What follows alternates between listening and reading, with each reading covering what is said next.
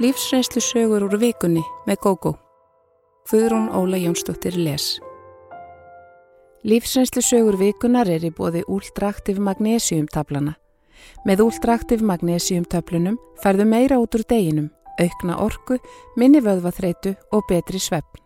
Úldraktiv magnésiumtöflunar fást í öllum helstu apotekum landsins. Facebook fyrst með frettinnar. Þegar ég var ófrískað eldra barninu mínu voru við hjónin búsett Erlendis. Ég kom heim til Íslands til að fæða barnið og maðurinn minn ætlaði að koma síðar eða nokkru fyrir settan fæðingardag til að vera viðstattur. Örlaugin áttu þó eftir að grýpa í taumana. Vegir okkar vals lágu saman á ævintýralegan hátt. Augu okkar mættust og við fundum bæði samstundis að þetta var ást við fyrstu sín. Ég var á fyrsta ári háskóla og hann á öðru. Við fórum saman í gegnum háskólan og síðan í framhalsnám til útlanda. Árin ytra voru góð og skemmtileg þóttu væru vissulega annarsöm. Eftir útskrift fekk Valur vinnu ytra og í kjölfarið þurftum við að flytja úr háskólabænum yfir í litla fallega náttúruparadís. Ég skráði mig í áframhaldandi fjarnám við háskólan á Íslandi svo flutningarnir komu ekki niður á námi mínu. Fljótlega eftir flutningana kom í ljós að ég var ófrísk. Alveg frá upphafi vildi ég eignast barnið heima á Íslandi og vera þar í faðmi fjölskyldunar. Tæpum tveimur mánuðum fyrir áalladan fæðingardag, skömmu fyrir jól, flugum við heim. Ég tók jólaprófin og varð síðan eftir á Íslandi þegar Valur fór út aftur en hann átti pantað flug heim nokkrum dögum áður en frumburðurinn átti að koma í heiminn. Hvorugt okkar vildi vita kyn barsins, við vildum að það kæm okkur á óvart. Þegar aðeins tveir dagar voru ég að Valur kemi heim til að vera viðstatur fæðinguna, fór ég að finna fyrir óþægilegum verkjum. Tvær góðar vinkonur mínar voru í heimsókn hjá mér og þegar ég lísti verkunum fyrir þeim, vissu þær að fæðingin væri farin af stað. Báðar höfðu þær eignast batn og þekktu lýsinguna á stingjunum upp og niður ríkjasúluna. Ég var í fullkominni afnittun og ætlaði sannlega ekki að fæða batnið fyrir en Valur væri komin til landsins. Þær kvöttu mig með tárin í augunum því þær vissu að hann myndi missa að fæðingunni og að næst þegar við hittumst yrði ég orðin mamma. Verkirnir ágerðust og versnuðu mikið um kvöldið. Rétt fyrir miðnættir hingdi ég á fæðingardeildina. Mér var ráðlagt að taka verkjalið og reyna að sopna. Ég hingdi sömuleiðis í val og gerði honum grín fyrir ástandinu. Við vissum bæði að fyrsta ballætur oft býða eftir sér og reyndum að róa hvort annað. Þetta hlítu að vera fyrirvaraverkir. Verkelif gerði ekki mikið fyrir mig og enn síður gæti sofið. Að lokum játaði ég mig sigraða og millir hríða pakkaði ég niður í fæðingartöskuna. Ég hafði talið með trúum að ef ég pakkaði ekki niður, myndi batnið ekki koma fyrir en pappi þess væri komin til landsins. Fljótlega eftir komina á fæðingardeildina var með ljóst að barni væri á leiðinni heiminn og það í flíti og því ekkert annað í stöðunni en að gera verðandi föður ljóst hver staðan væri. Hann ringdi samstundis í flugfélagið og tókst að breyta meðanum sínum. Flugvöldurinn var í fjögur að klukkustunda axtusfjarlagð og ekkert annað í stöðunni en að bruna beint af staðum hávetur yfir fjallvegina framundan. Ég hafði séð það í romantísku ljósi að komast að kyni barsins með það nýfætt á brjóstinu. Með pappan fastan upp á frósinni heiði í rúmlega þúsund kílometra fjarlagð varð svo óskikja að vikja. Barni skauðst í heimin á ljósraða og ljósmóðir sveiplaði handklæði yfir nýfakta nakta kroppin. Hún sagði mér síðan að ringja í föðurinn og tilkynna honum um komubarsins. Þegar hann svaraði, spentur að vita hver staðan væri, heyrði hann ekkert nema háværan baskrátt og þar með hafði barni sjálft greint honum frá komu sinni í heiminn. Ég tók handklæðið varlega af litla öskurabanum og tilkynnti í síman að nú ættum við litla stelpu. Valur var eðlilega í miklu uppnámi og sagðist koma eins fljótt og mögulegt væri. Vinkonur mínar höfðu ringti mig á fæðingardeildina en það vissu þær í hvað stemdi og ég gati ekki annað en sagt þeim að litla dóttir mín væri fætt. Fljótlega flög fiskisagan um Facebook og aðra samfélagsmiðla og fjöldi vina og vandamanna óskaði okkur til hamingju með nýfættu prinsessuna. Átta tímum eftir fæðinguna voru við mækurnar stattar og spítalaganginum þegar Valur kom hlaupandi með fríhafnarpoka í annari og fæðingargjöfi hinni. Barni var klætt í gráan galla og ég gerði auðvitað ráð fyrir því að hann vissi kynið en það hafði ég sagt honum það í símtalinu. Hann tók varfærdinslega við barninu og spurði svo opinegur hvort það væri stelpa eða strákur. Á þeirri stundu áttaði ég mig á að allir nema hann vissu kynbarsins og það væri þegar opinbert á internetinu. Til allrar lukku hafði honum leiðið svo lífið á þegar hann var á leiðin í fljóðvilina að hann kíkt ekki á síman sinni millitíðinni. Þar hefðu blasa við honum hamingjóskirnar með barni sem hann vissi ekki að væri stelpa. Hvorugt okkar hefði verið sátt við að hann fengi fréttinnar af kyni barsins á þennan hátt en það munaði allt of litlu. Valur dvaldi hjá okkur maðgum á Íslandi í nokkra daga en þurfti svo að hverfa frá til vinnu sinnar. Mánuði síðar höfðum við skipulagt skýrnarveislu fyrir vini og ættingi á Íslandi en þá vildi ekki betur til en svo að Eyjafjallajökull tók upp á því að gjósa. Með tilbúna skýrnartertu og allt annað sem fylgir stóri veislu var það fresta háttíðarhöldum þanga til flugsamgöngur hæfust að nýju. Sem betur fyrir var hægt að fresta skýrninu um viku sem ekki hafði verið hægt með fæðinguna. Bakarinn hafði fullanskilning á þessum aðstæðum og viku setna sótti ég ný bakaða skreita og gómsæta tertu til bakarans. Ég hef keift mikið af honum síðan og mælt með honum við alla sem ég þekki er nánast vissum að hann hafi ekki tapað á því að vera svona elskulegur frekar þig gagstæða. Þegar yngra barni kom í heiminn vorum við hjónin flutt til Íslands og Valur gætt verið með mér allan tíman á fæðingardeildinni. Það var mikill munur fyrir okkur bæði, en í það skipti fengu við að vita kynið strax á meðgöngunni, minnug þess hver lítið er í raun hægt að skipulegja þegar kemur að sjálfur í fæðingunni. Skýrnartertan var að sjálfsögðu afturkipti á uppáhaldsbakaranum sem brást ekki bógalistinn frekarinn í fyrraskiptið. Leið best þegar henni tókst að græta mig. Ég átti frekar erfiða æsku og enn erfiðari móður. Að þurfa að kljást við hana kendi mér margt og kom mér ofti gegnum erfiðar áskoranir. Ég er elst sískina minna. Mamma eignaðist mér kornung nokkrum árum áður og hún hitti mannin sem hún giftist og átti tvö börn með. Þau skildu og með næsta manni eignaðist hún önnur tvö börn. Ég áttaði mig á því fyrir en ég var orðin okkur stálpuð að mamma var í raun barngóð en bara rétt á meðan börnin voru óvitar. Þegar við sískinin vorum komin með smá viti kollin breytist hún. Pappi hafði stungið af þegar hún gekk með mig og ég kynntist honum aldrei. Ég let mér lengi dreyma um góða pappa sem bjargaði mér frá mömmu en á úlingsárunum áttaði ég mig á því að hann kæmi aldrei. Mamma drakk mikið alla tíð eða þar til heilsa hennar lefði það ekki lengur. Hún er enn á lífi en mikill sjúklingur. Um tíma fór ég svo í taugarnar á mömmu að hún komir fyrir hjá Ava og ömmu fyrir norðan. Það átti að vera refsing og ég kveið mikið fyrir. Svo reyndist þetta að vera algjör blessun. Þar var ég í góðu yfirlæti og lærði meðal annars hvernig koma á fram við börn eða með ást og virðingu. Ég bý enn að því sem Afi og Amma innrættu mér og ég tel að þau hafi komið í veg fyrir að ég er þau hörð og beisk eins og mamma. Mér langaði ekki að fara frá þeim eftir árið en ég hafði saknað sískina minna og vonaði að mamma hefði breyst og kannski saknað mín, en auðvitað hafði hún ekki gert það. Hún hafði bara saknað batfóstruna sinnar. Þegar ég var að verða 16 ára eignaðist ég fyrsta kærastan minn. Þar sem ég vissi hvernig mamma var, frestaði ég því lengstu lögað kinnan fyrir henni. Þegar hún svaraði eitt skipti síman og áttaði sig á því að þetta væri hann, bauð hún honum í kvöldmann næsta dag. Hún spjallaði lengi við hann, áður en hún kallaði á mig í síman en þetta var fyrir tíma gemsana. Ég kveið matrabóðinu sem reyndist öllu verra en ég hafði búist við. Mamma var búin að fá sér í glas, hún var í stuttum kjól með flegnu hálsmáli og hafði málað sig vandlega. Hún var vissulega mjög falleg og sérlega ungleg, augu kærasta míns stóðu á stilkum. Til að gera langa sögustutta heitlaði hún átjónara kærastan minn upp úr skónum þetta kvöld en það beitti hún öllum sínum töfrum og kynþokka sem virkaði svona líka vel. Hann mátti ekki heyra orði hallað á hann eftir þetta. Ekki að ég talaði oft illa um ömmu við hann, ég sáð hann bara hvernig hún væri. Ég hætti að treyst honum eftir þetta og ekki lungu setna sagði ég honum upp. Þegar mamma frétti að við værum hægt saman þóttist hún hafa samúð með mér en gað samt ekki stilt sig um að segja að þetta hefði ekki komið henn og óvart. Flestir karlar vildu alvöru konur. Ég varði ekki einu svoni sár. Ég þekkt hann á vel og vissi að hún nöyt þess að særa mig. Henni leið best þegar ég gret undan henni. Á þessum tíma var ég hægt því og fljóðlega flutti ég að heiman. Frænka mín leiði mér að búa hjá sér og með hennar hjálp komst ég í gegnum mentaskóla. Til að endur gjaldinni fór ég búðir fyrir hana og þreif allt húsið hannar hátt og látt vikulega.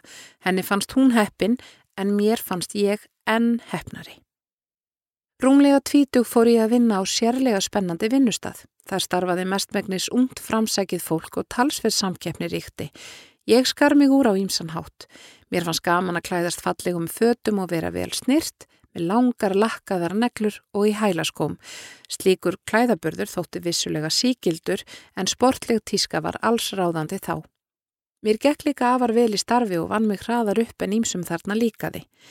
Með mentaskóla hafði ég unnið í flottri tískuföruverslun og það hefur án Eva haft áhrif á klæðaburð minn. Ég fekk alveg að finna fyrir því að ég passaði illa í hópin en það gerði mig bara ákveðnar í því að vera eins og ég vildi vera. Þau tvö sem hötuðu mig mest reyndu að fá hina með sér í lið til að gera grínað mér en tókst ekki. Mér var ekki alveg sama en síndi engin merkið þess að þetta kæmi við mig og því virkaði þetta ekki. Ég notaði sömu taktík á þetta fólk og á mömmu og þannig tóks mér að afopna það. Þegar ég hætti, tveimur árum setna, fann ég fyrir létti en áttaði mig á að ég var komin með enn sterkari skráp eftir daglega baráttu við sumt fólkið aðna. Ég varð heiftarlega ástfangin skömmu fyrir 25 ára afmæli mitt. Árni var ekki bara myndalegur, heldur einning afar skemmtilegur og virtist leitandi í lífinu á samahátt og ég. Samband okkar var ástríkt en líka svo litið stormasamt. Mamma var nýlega komin í sambúð með enn einu manninum og dadraði ekki mikið við átna. Hann virtist þó ónæmur fyrir henni sem gladdi mig. Mikil andleg vakning var í gangi hjá ungu fólki um þetta leiti og við árni sóttum ími spennandi námskeiði hinnu og þessu. Einhvern veginn enduðum við í hálgerðum söpnuði hjá manni sem við dáðumst mikið að. Hann virtist hafa svör við öllu. Við stopnuðum nokkur saman kommunu eða samfélagi í gömlu húsi og lögðum stund á hugleðslu og annað í þeim dúr. Sumir heldu áfram að vinna úti og lögðu launsinn í púkið en henni sáu um heimilið, ræktuðu grænmiti, elduðu, sultuðu og löpuðu upp á húsnæðið. Fyrst í stað var ég yfir mig hamingisum og fannst lífið fullkomið. Ég reynlega vorkendi þeim sem lifðu venjulegu lífi. Höfuðpaurin sem hafði virst svo fullur af visku og kærleika fór að sína aðra hlið á sér með tímanum og hver sá sem evaðist um orð hans eða gjörðir varð fyrir kvikindislegum árásum hans. Við hinn áttum að taka þátt í að refsa viðkomandi með því að láta sem hann væri ekki til þar til hann komst í náðina aftur. Ég vildi ekki viðurkenna það strax fyrir sjálfur mér en andlegi stjórnandi nokkar myndi mig svo litið á mömmu. Hann notaði háðslegar aðtugasemdir til að stjórna eins og hún hafi gert og það þoldi ég ekki. Þessi taumlösa dyrkun á honum þótti mér orðin sorgleg og virðing minn fyrir honum fór hratt þverrandi. Auðvitað kom að því að okkur lendi saman. Ég man ekki út á hverju en ég leiðrætti einhverja vittlisu sem hann let út úr sér. Hann hafði verið á verðigagvært mér um síð, grunaði líklega að ég hefði séð í gegnum hann og vildi nota þetta tækifæri til að brjóta mig niður eins og hann hafi gert við marga með góðum árangri. Hann hafði gert árna mín að nokkus konar næstráðanda og árni sveik mig þarna, stóð með honum gegn mér. Hann hafði reyndar aldrei tekið undir nýtilkomnar evasemdir mínar varðandi stjóran, dáði hann bara í blindni. Svo fór að ég var rekin úr þessum söpnuði og misti kærastan í leiðinni. Ég saknaði átna fyrst í stað en leiðsamt eins og ég væri laus úr andlegu fangilsi. Þetta var svipu líðan og þegar ég flutti að heiman, 16 ára. Halvu ári síðar fór allt í háaloft í kommununni og það var ekki fyrir þá sem átni sá í gegnum allt byllið og heilaþvottin. Hann reyndi að nálgast mig og bað mig afsökunar en það var orðið allt og seint. Þá var ég búin að kynast manninum sem í dag er áskæri eiginmaður minn og besti vinur. Þótt mamma reyni enn í dag að særa mig ef tækifæri gefst, er ég henni á vissan hátt þakklátt fyrir Brynjuna sem hún bjóð til utanum mig því ég er nánast ónæm fyrir kvikindiskap annara. Ég held að mér hafi tekist ágætlega að koma því til skila til minna eigin barna að það væri ekki spurningu um hvað þeim væri gert, heldur hvernig þau tækið því. Ég veit ekki betur en að þau hafi tilengað sér þetta því þau blómstruðu í skólanum og það heyrði til algjörra undantekninga ef þau klöguðu í mig þegar einhver var leiðinlegur við þau. Mamma er miklu betri við barnabönnin en hún var við mig og sískinni mín. Við sískinnin erum dreifðum landið og eitt okkar býð í útlöndum. Við erum náinn og höfum gaman af því að hittast. Mér líður stundum eins og ég sé mamma þeirra, enn í dag. Fortíðina sér mamma í rósröðum bjarma og áttar sig ekki á því hver slæmungat verið. Við nennum ekki leiðrættana eða veld okkur upp úr einu eða neinu. Ég vil þó deila söguminni í þeim tilgangi að hvetja fólk til að reyna að láta ekki illa innrætt fólk eðalega fyrir sér tilveruna með ljótum orðum og framkomu. Fráskildir í röðum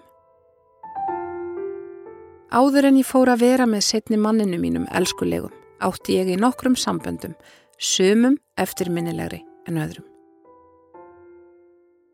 Við eigin maður minn og barsfæðir skildum þegar dóttur okkar var fimm ára. Hann vann þannig vinnu að hann gati ekki hitt hana reglulega en við hvert tækifæri hittust þau og áttu góða tíma saman.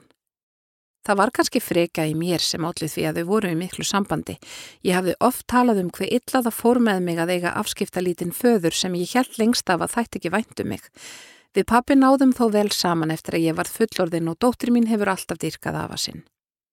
Þótt ég hafi baslað ein með dóttur mína, lengst af á dýrum leikumarkaði, tók ég þá ákverðun fljótlega eftir skilnaðinn að ég yrði að menta mig ef ég ætlaði ekki að festast í fátakara gildru.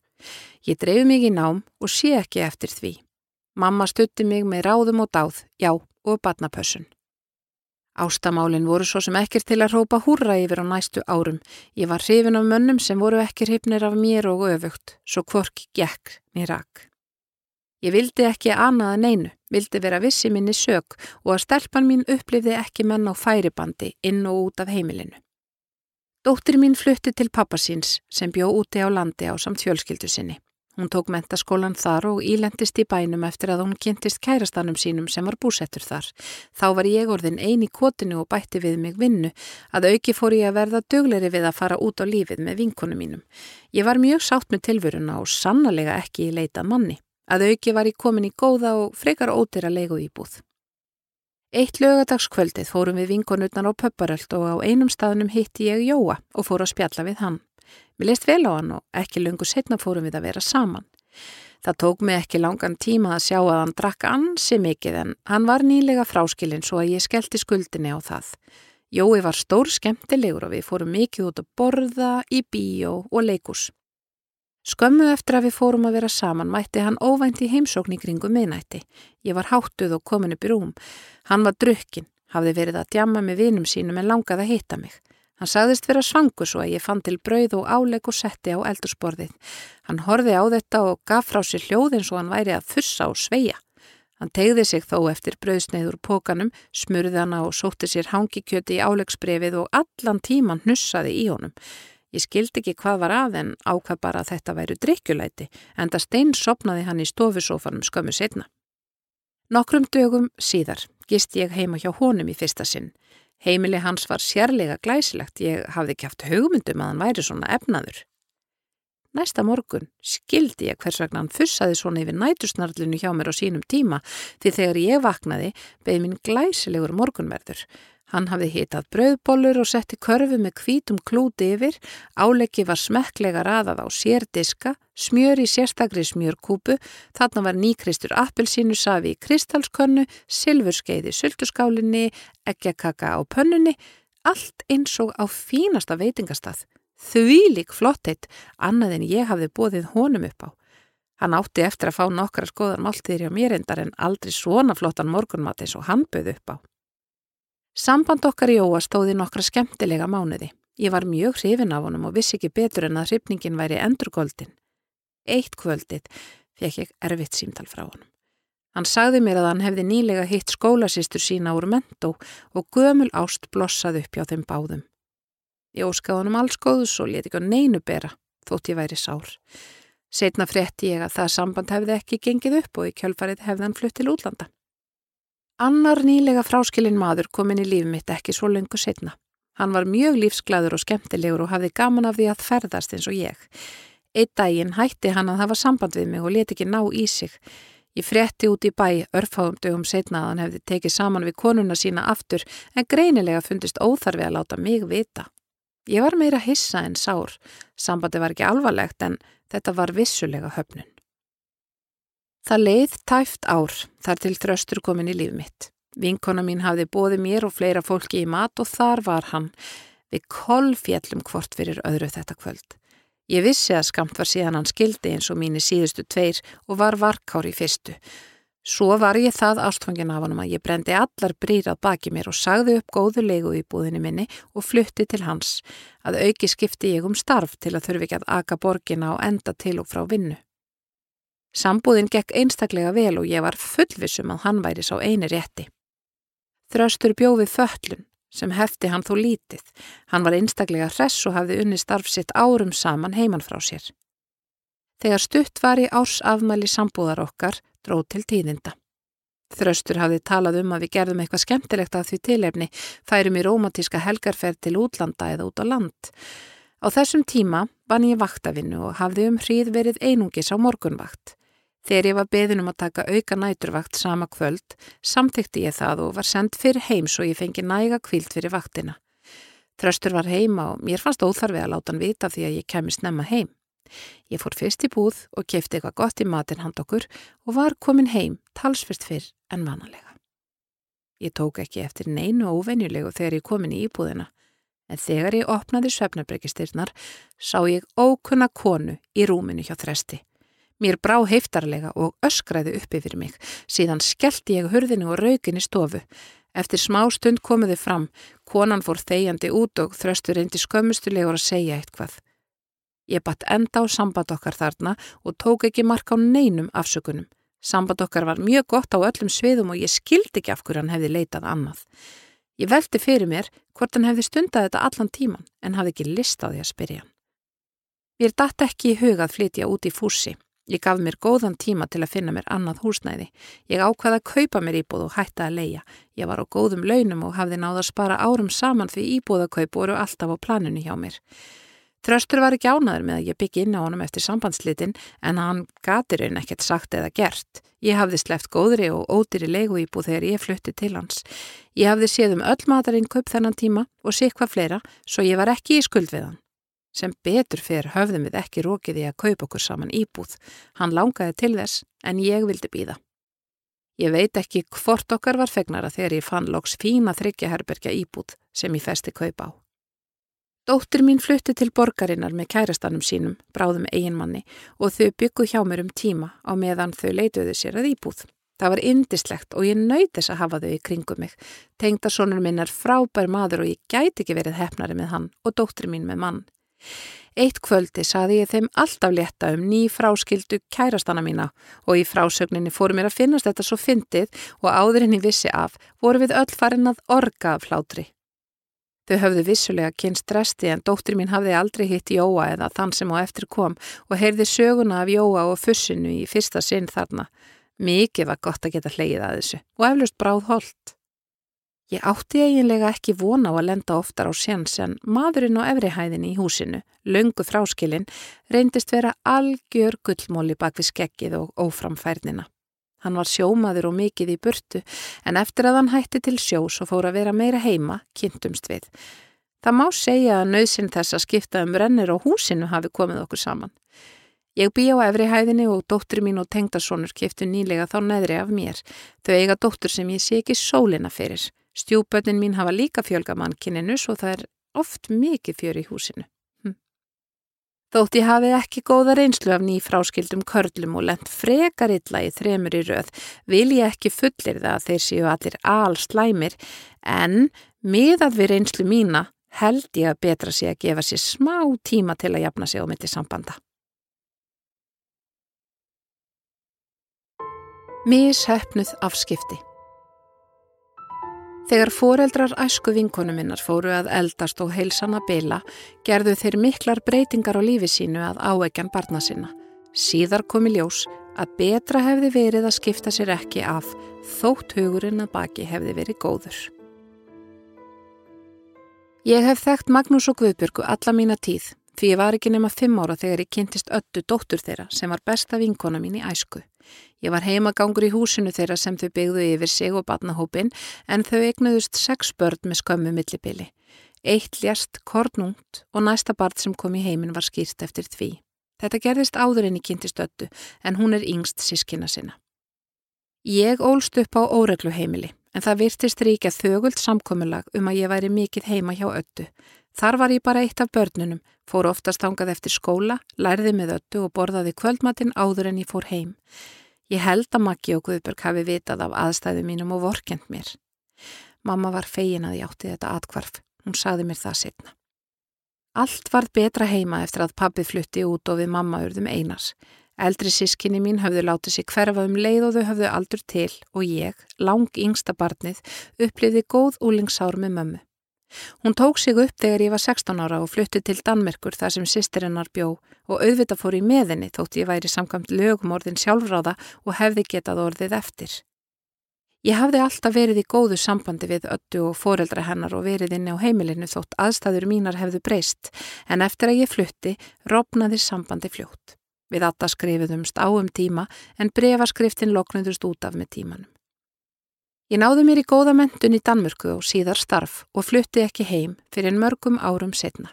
Það var Ástinn sem dróð mig heim en ég hafði kynst íslenskum námsmanni ytra og farið að búa með honum. Það var samiðileg ákverðan okkar að flytja heim með són okkar sem þá var þryggja ára. Ekki löngu eftir að ég var búin að koma mér fyrir ákvaði ég að heimsækja Guðbörgu og Magga. Ég ringdi ekki á undan mér, heldur byrtist á tröppunum hjá þeim.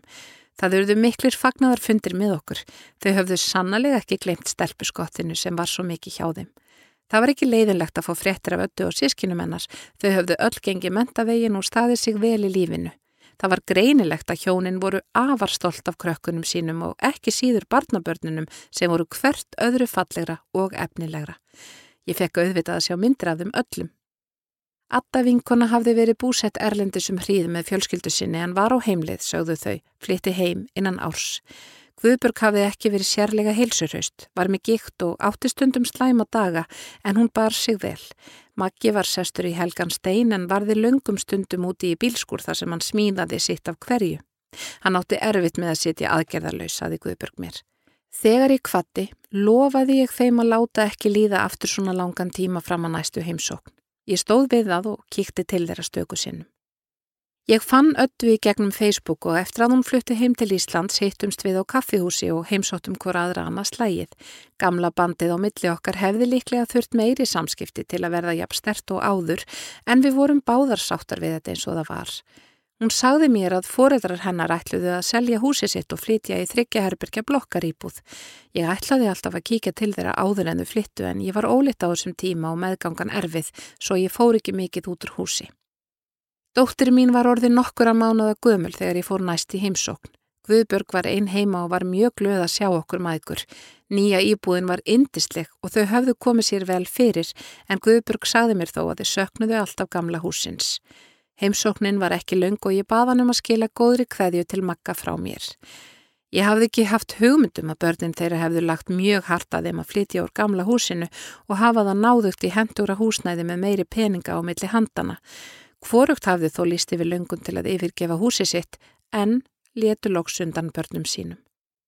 Það var ekki atta vinkona sem sagði mér alltaf leta heldur nágranni minn sem var náskildur fjölskyldunni. Hann varð yfir sig ánaður á sínum tíma þegar hann komst að því í spjalli okkar að ég hefði verið heimagangur hjá þeim í æsku. Hann reyndi ekkert að skafa utan af flutunum og kunnu sískinunum litlar þakkir fyrir að rýfa fóreldra sína svona upp með rótum. Það var heldur engin þörf á því. Þau hjónin voru komin með húsjálp sem þreif gamla húsi vikulega svo ekki þurftu þau að bógra yfir því sjálf. Þótt heilsa Guðbergar væri ekki alltaf góð eldaði hún mat og bakaði án þess að hafa mikið fyrir því. Hreyfingar hennar voru bara hægari en áður. Oft var kátt í kotinu þegar barnabönnin fenguð að gista og alla sunnudaga voru bakaðar pönnukökur handa afkomendum og öðrum gestum sem letu sjá sig. Maggi leisti konu sína líka af við pönsubaksturinn ef gestir eruðu óvinnu margir, hann var feimur með pönnuna, en naut hann þess að dútlaði við hitt og þetta í bílskurnum. Á nýja heimilinu var vissulega auka herbyrgi sem hefði verið hægt að nýta sem föndurherbyrgi og geimslan í kjallarannum hefði verið góður staður til að smíða í en það var eins og Maggi hefði mist allan áhuga á slíku. Vissulega voru ennbakaðar pönsur en húsplási var miklu minna og ekki næg sæti ef margir komið í heimsókn Bóðið á jóladag sem Maggi og Guðburg hafðu haldi fyrir alla sína afkomendur var ekki haldi framar vegna plásleisis og sitt á hverju fleira breytist. Þetta fór sérlega illa í Magga. Hann var óþrifalegur um tíma, lág löngum stundum fyrir framann sjónvarpið með bjóri hendi og suma daga hjekk hann klukkutímum saman úti í sjóppu í spilakössum. Hann náði vist að eigða dágóðum uppæðum áður en þetta komst upp. Það var eins og hann hefði mist lífsviljan um hríðen Kanski var þetta hans leið til að mótmæla. Ekki var Guðbjörg sátt heldur þótt hún tæki þessu ekki jafn illa á maður hennar. Ég rætti þetta aldrei við öllu. Ég beigði eftir að hún segði mér frá þessu sem hún hefur ekki enn gert. Það er allt til að í mín vegna. Það er skiljanlegt að hún skammist sín fyrir þetta og vil ekki auglýsa þessi mistök. Mér hefur skilist að allt hafi komist í lag með tímanum og að hjónin hafi orðið sáttari við nýja heimilið. Þau áttu nokkur ágætt ári í þessar íbúð en eftir að Guðbjörg lést fór makki á dvalarheimili og þar leið honum mjög vel. Ég get ekki ímynda mér annað en að Atta og sískinni hennar hafi séð eftir þessari íhlutun. Allt fór þó vel að lokum sem betur fer en samt. Í álögum Mér leist ekki sérlega vel á mannin sem yngri sýstir mín fjall fyrir og giftist en ákvaða gefunum tækifæri. Með tímanum komst ég að því hvert mann hann hafði að geima og sá var ekki fagur. Litla sýstir sem ég kalla sýstu var í óreglu á úlingsárunum og varð ólétt eftir neyslufélaga sinn aðeins 17 ára gömul. Hann lit sig hverfa en mættu þó löngu síðar á svæði þegar hann var hættur í neyslu. Sista sneri baki við þessu lífverðnu um leið hún áttaði sig á því að hún væri ófrísk og ákvaða breyta lífi sínu til góðs. Linda litla kom í heimin að hausti til. Hún fikk strax sérstakann staði í hjarta mínu sem hún á enn. Ég var eins og önnur mamma hennar því hún bjó hjá mér fyrsta árið sitt og svo gætti ég hennar stundum þegar þær maðgurnar voru fluttar út ef sýstir mín var að vinna á kvöldin. Sjálf var ég búin að eignast börnin mín sem heldu mikið upp á litlu frænguna. Pappi og mamma vildu að við stæðum á eigin fótum og sögðu strax við mig þegar elsta barni mitt var á leiðinni að þau væru búin að sinna skildum sínum gagvart okkur dætrunum og ætluðu sannlega ekki að passa fyrir okkur. Það hafði reyndar aldrei verið ætlunin að byggja þau um það en það var í heimavinandi og meðan börnin mín voru lítil. Þessi afstæða þeirra var ósjálfrátt til þess að ég heimsótti þau sjálfnarinn alla með börnin og meðan afi og amma í föðurætt náðu góðum tengslum við þau og nánast nöldruð yfir því að fá þau ekki nógu oft til sín. Fyrst upplifði ég afstöðu fóreldra minna sem höfnun en svo fór ég að hafa samúð með þeim. Þau mistu af svo miklu. Sista hafði alltaf fallið fyrir mönnum í neyslu og kunni varla á venjulega menn. Eftir á að higgja held ég að það sé ástæðan fyrir því að hún fjall killiflöt fyrir Óskari. Hann var andstæða hinn að mannana sem þýtti þó ekki að hann væri eitthvað betri. Hann var hávaksinn, tólv árum eldri en Sista, hávær og með mikið sjálfströst. Sista var heitluð af honum og Þau giftu sig innan við hálfu ári eftir að þau kynntust. Linda var ný orðin átt ára þegar Óskar var stjúpfæðir hennars. Óskar var fráskilinn og áttu tíu ára dóttur, Ástu, sem bjó hjá honum. Hann og fyrirverandi konan hans höfðu skipt börnunum og millisín við skilnaðinn og konan fekk sónin. Ásta var mikil pappastelpa og það var henni erfitt að fá sýstu og lindu inn í lífsitt. Óskar talaði mikið um að hann og sista þyrtu að ná tengingu og stilla saman strengina svo að það var eins og börnin væru ekki til í hans augum. Ásta var mjög afbreyðisum en letaða mestu bitna á lindu. Þegar ágreiningur kom upp á millistarpnana tók Óskar alltaf málstadóttur sinnar. Sista gerði það í raun líka til að halda friðin. Linda virtist fara mikið í taugarnar á Óskari eins og hún var þó ljúf og góð. Ekki laungu eftir að þau giftu sig flutti ég út á land og hitti þær maðgur sjálfnar. Sista var lögðin á sjúkrahús til rannsókna. Hún hafði reynd árangurslust að verða ófrisk og í ljós kom að hún gati ekki eignast fleiri börn og hún var sendið aðgerð til að fjarlæga móðurlífið. Ég óki bæin til að heimsækja hann á spítalan. Þá hafði ég ekki hitt hana í nokkrar vikur en tala við hana í síman ánast daglega. Óskar, Ásta og Linda voru á stofinni hjá sýstu þegar ég kom og mér döð brá þegar ég sá eimdar svipin á litlufrængu minni. Hún var döð til auknana og ríg hjælti mömmu sína.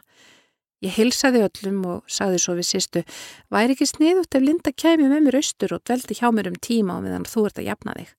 Þetta var að sömri til og engin skóli. Það kom sólskins brós á Lindu en Óskar saði gæðvonskulega að hún geti vel verið heima hjá sér. En eftir að sýsta sá gleði svipin og Lindu leifð hún enn að fara með mér og Linda leik á alls otti alla leið austur. Linda nöyt þess að láta lesa fyrir sig þótt hún væri löngu orðin læs sjálf. Fyrsta kvöldið hennar settist ég niður hjá henni og ætlaði að lesa. Ég fann að aðtegli hennar var þó fjarrri og spurð hana hvort hún vildi frekar spjalla. Hún var til í það og við töluðum um skólan hennar og hvort hún hlakkaði ekki til að byrja aftur í haust. Hún hjælt það nú, þar fengi hún frið. Hvað áttu við með að þú fáir frið? spurði ég brosandi. Óskar lætu mig aldrei í friði. Ég þarf alltaf að vera að gera eitthvað þegar ég er heima og aldrei leika mér inn í herbergi og bjóða vinkonu mínum í heimsókn eða fara til þeirra. Ég spurði hvort þar stjúpsisturnar hefði ekki bara gott að því að taka til hendin á heimilinu en þá saði Linda mér að Ásta þurfti aldrei að gera neitt og sama hvað hún sjálf reyndi að vanda sig fengi hún alltaf skammir. Hann er alltaf svo vondur við mig, sagði hún og bætti við að hún nendi alveg að taka til en fyndist svo leiðinlegt að fá bara skammir fyrir. Mammina hrósaði henni alltaf en þegar hún væri að vinna um helgar skammaðist Óskar yfir öllu. Ásta væri líka anstíkileg við hann og reyndi sífælt að komin í vandræði. Einu sinni heldi hún úr djúsglasi í rúm Lindu og sagði að Linda hefði pissað í rúmið. Sama hvað Linda sagði henni var ekki trúað eða þetta var álitinn saglusrekkur. Óskar stritti Lindu lengi á þessu, kallaði hana smábarn og pissudúku. Hann var örgla fúll yfir því að ég fekk að fara með þér í dag, bætt hún við. Nú hafaðu ásta engan til að skamma. Hún saði mér fleiri sögur af samskiptunum á heimilinu og mér leist sífelt vera á blíkuna. Þótt bara helmingurinn væri sannur var greinilegt að líf Lindu væri ekki gott. Við skildist þó á henni að þegininn væri skári í framkomi við hana þegar sista var heima. Þegar ég skilaði Lindu af mér um um þremur vikum setna voru við báðar svo liti kviðnar. Þótt Linda hlakkaði til að hitta mömmu sína fann ég að hana langaði ekki heim. Óskar var ekki heima þegar við komum og sista bauð mér í kaffi. Hún faðmaði Lindu ánað að fá hana heim. Hún var enna jafna sig eftir aðgerðina og mátti ekkert reyna á sig. Það var svo litið drastaralegt á heimilinu og ég spurði hvort enga hjálp væri að fá frá eiginmanninum og dóttur hans. Sista brosti bara og sagði að þau væri lítið fyrir húsverk. Það væri helst að Linda nendi að hjálpenni. Hún segist nú bara að fá skammir frá Óskari fyrir að gera það illa, sagði ég. Já, Honum finnst hún allt of degruð hjá mér og vill alana betur upp. Þú veist nú sjálfa það er ekki rétt, saði ég rólega en ákveðið. Sista kinkaði kolli. Ég sagði ekki meira en vonaði að þetta hefði komist til skila. Ég tók íbúðuna í gegn með hjálp Lindu sem heimtaði að fá að hjálpa. Hún var ótrúlega dögleg með við aldur og fekk líka mikið rós. Hún ljómaði af gleði þanga til Óskar kom heim. Hann heilsaði mér hressilega en leiti ekki á Lindu eins og hún væri ekki til.